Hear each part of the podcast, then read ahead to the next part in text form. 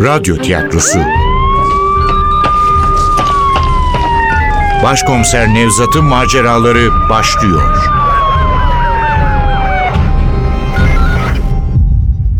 Kırlangıç Çığlığı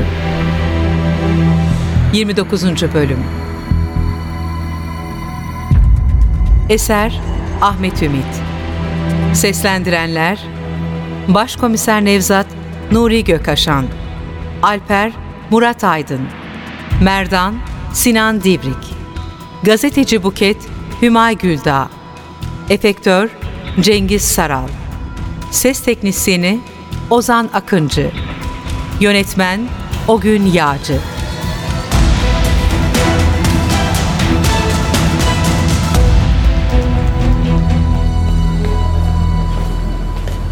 Zekai'nin evinden çıkarken duydum sesini. Başkomiserim. Başkomiserim. Döndüm Alper'di. Beklememi işaret ediyordu. Yanında geçen gün siper güvenlikte gördüğümüz o iri yarı adam vardı. Memnuniyetle durdum. Belki de en önemli şüphelimiz olan bu eski polisle muhabbet etmek ilginç olacaktı. Yemeğe kalmıyor musunuz? Savcı Bey gitti mi yoksa? Ne yazık ki kalamıyorum. Yoğun bir gün. Evet, Nadir Bey de az önce gitti. Ayıp olmuş. Uğurlayamadım adamı. Malum cenaze evi. Yemek meselesiyle uğraşıyordum. Yapacak çok iş var. Celil anne ile öteki akrabalar bu akşam uçakla gidecek. Zekai başkomiserimin defni için. Ben gidemiyorum. Son anda önemli bir toplantı çıktı. İstanbul'da kalmak zorundayım. Allah'tan rahmetlinin kardeşleri, yeğenleri var. Nasıl başkomiserim bir sonuca ulaşabildiniz mi? Henüz değil. Bu arkadaşımı hatırlarsınız Merdan. Daha önce karşılaştınız. Benimle birlikte çalışıyor. Zekai başkomiserimden sonra tek dolaşmamaya çalışıyorum. Doğru yapıyorsunuz. Eğer Zekai başkomiserimi körebe öldürdüyse sırada siz de olabilirsiniz. Ne yapalım? Kaderde ölmek varsa. Ama ama Zekai babanın katilinin cezalandırıldığını görmeden ölürsem gözlerim açık gider.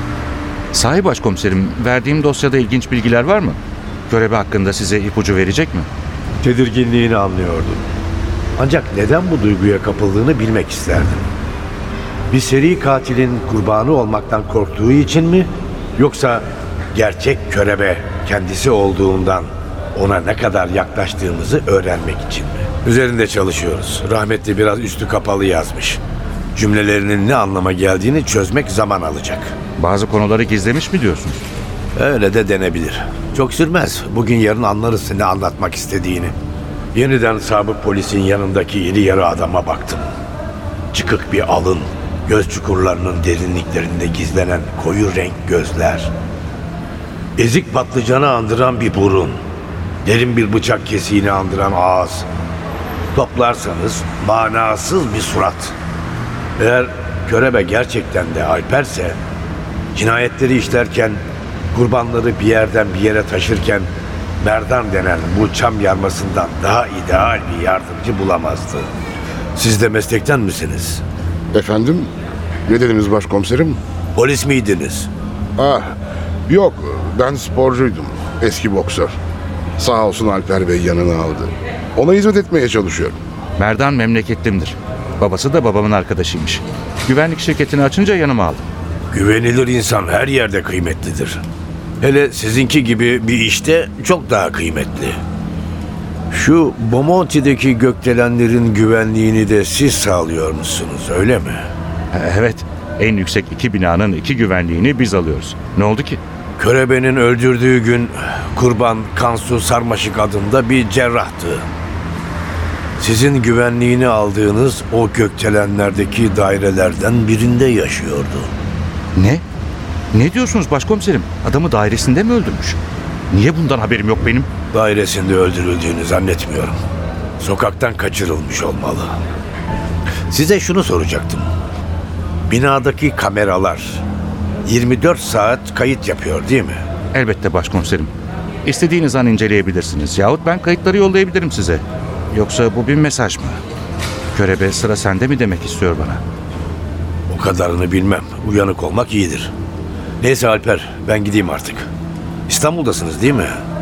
Evet buradayım. Niçin sordunuz? E, Bir cinayet soruşturması içindeyiz. Kime ne zaman ihtiyaç duyacağımız belli olmaz. Hadi tekrar başınız sağ olsun. Görüşmek üzere. Görüşmek üzere.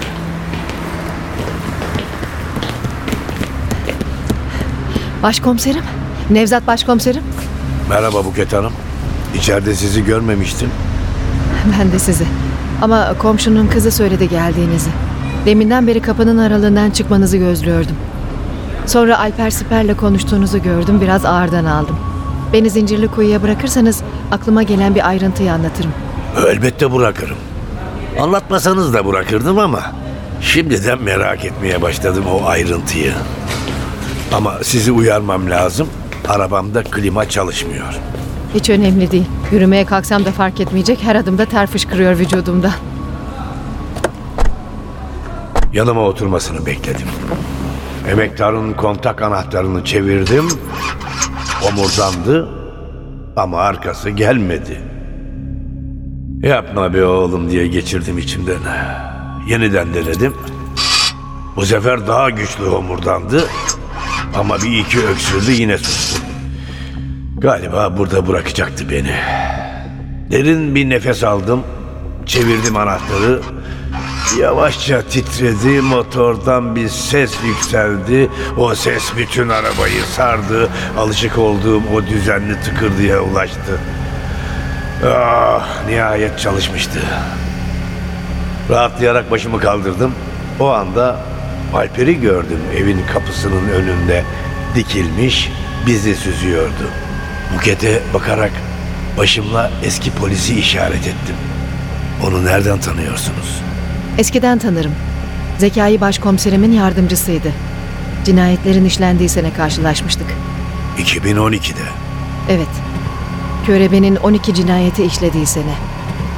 İyi bir polisti aslında. Mesleği neden bıraktı bilmiyorum. Gerçi onun açısından iyi oldu. Biliyorsunuz bir güvenlik şirketi kurdu. Önemli firmalar onunla çalışıyor. Sadece firmaların değil, gökdelenlerin bile güvenliğini alıyor. Biliyor musunuz? Son kurban da onun güvenliğini aldığı gökdelenlerden birinde kalıyordu. Kansu Sarmaşık. Bu isim tanıdık geliyor mu size? Kansu, Kansu, Kansu Sarmaşık. E ben bu ismi daha önce nereden duydum? Ha, tamam hatırladım. Hayati Bey'in ortaklarındandı. Serap Hastanesi'nin sahibinden bahsediyoruz değil mi? Evet, Hayati Darcan. Hikayesini biliyorsunuzdur. Kızını kaybetmiş. Organ bulunamayınca ölmüş yavrucak. Bunu nereden biliyorsunuz? E söyleşi yaptım çünkü. Organ bulunamadığı için kızı ölen cerrah çocuklar yaşasın diye organ nakli yapan hastaneler açıyor. Üstelik hastanelere de kendi kızının adını veriyor. Bundan daha güzel haber olabilir mi? Yok Nevzat Bey, bu cinayetlerin Hayati Bey ile alakası olamaz. O adamın kötülük yapabileceğine inanmam. Kendisiyle de karısıyla da Serap'tan sonra doğan iki kızıyla da konuştum. İyi bir aile babası, şahane bir insan. Ee, Gerçi eskiden organ kaçakçılığına adı karışmış. Ama sonra bir yanlış anlaşılma olduğu ortaya çıkmış.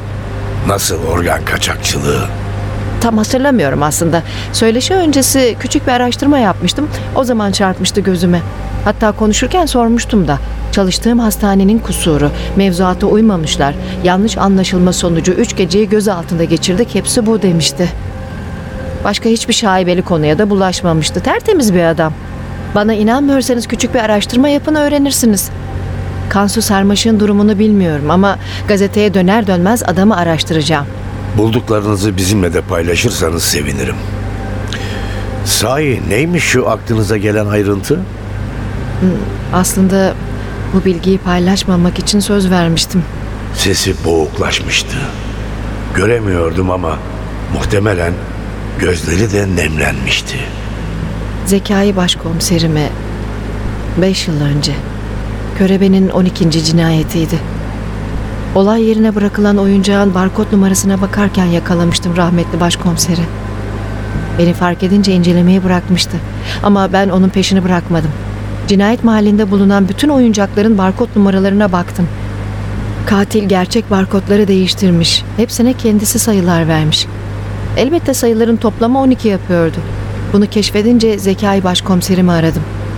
Bunu yazarsan seri katile yardım etmiş olursun. Lütfen bu bilgi ikimizin arasında kalsın dedi. Neden böyle söylediğini anlamamıştım.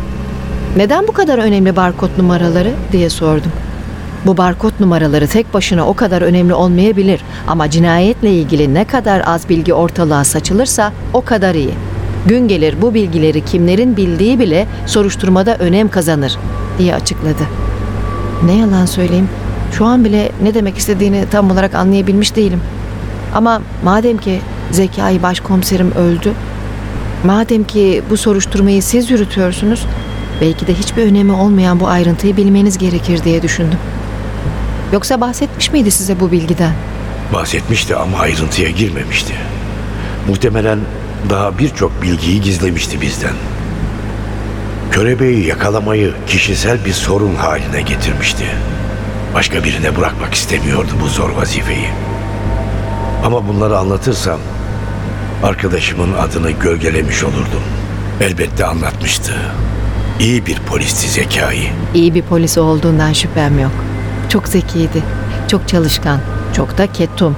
Biliyor musunuz, büyük hayranlık duyardım bu mütevazı adama. Bazen onun kafasının nasıl çalıştığını merak ederdim. Evet, konuşurken öyle laflar ederdi ki ben neden bunu akıl edemedim diye kendimi suçlardım. Ne yazık ki artık konuşma ihtimalim yok. Mesela Zekai başkomiserim neden o barkoddaki sayıları yazma demişti bana. Mutlaka çok önemli bir nedeni olmalı. Durduk yere bunu istemezdi benden. Çünkü körebeyle ilgili birçok ayrıntıyı gazetede zaten ballandıra ballandıra yazıyorduk.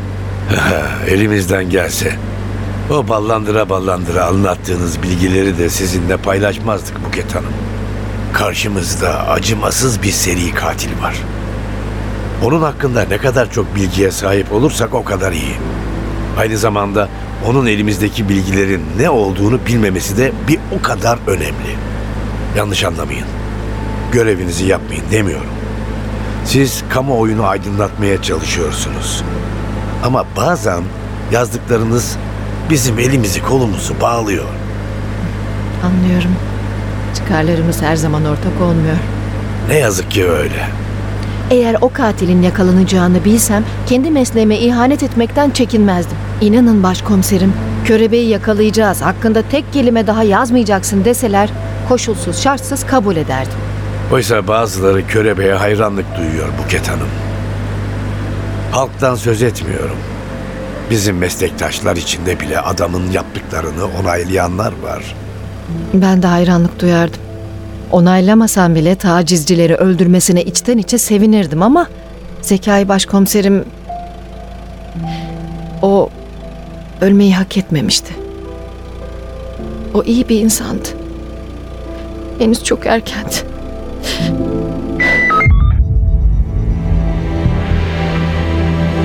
Kırlangıç Çığlığı. Eser Ahmet Ümit. Seslendirenler Başkomiser Nevzat Nuri Gökaşan Alper Murat Aydın Merdan Sinan Divrik Gazeteci Buket Hümay Güldağ Efektör Cengiz Saral Ses Teknisyeni Ozan Akıncı. Yönetmen Ogün Yağcı.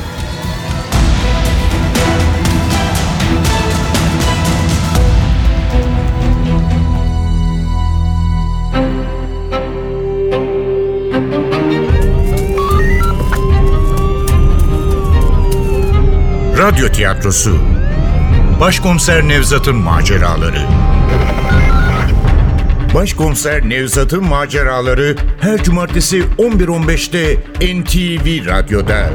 Kaçıranlar ve tekrar dinlemek isteyenler içinse ntvradio.com.tr'deki podcast sayfamızda.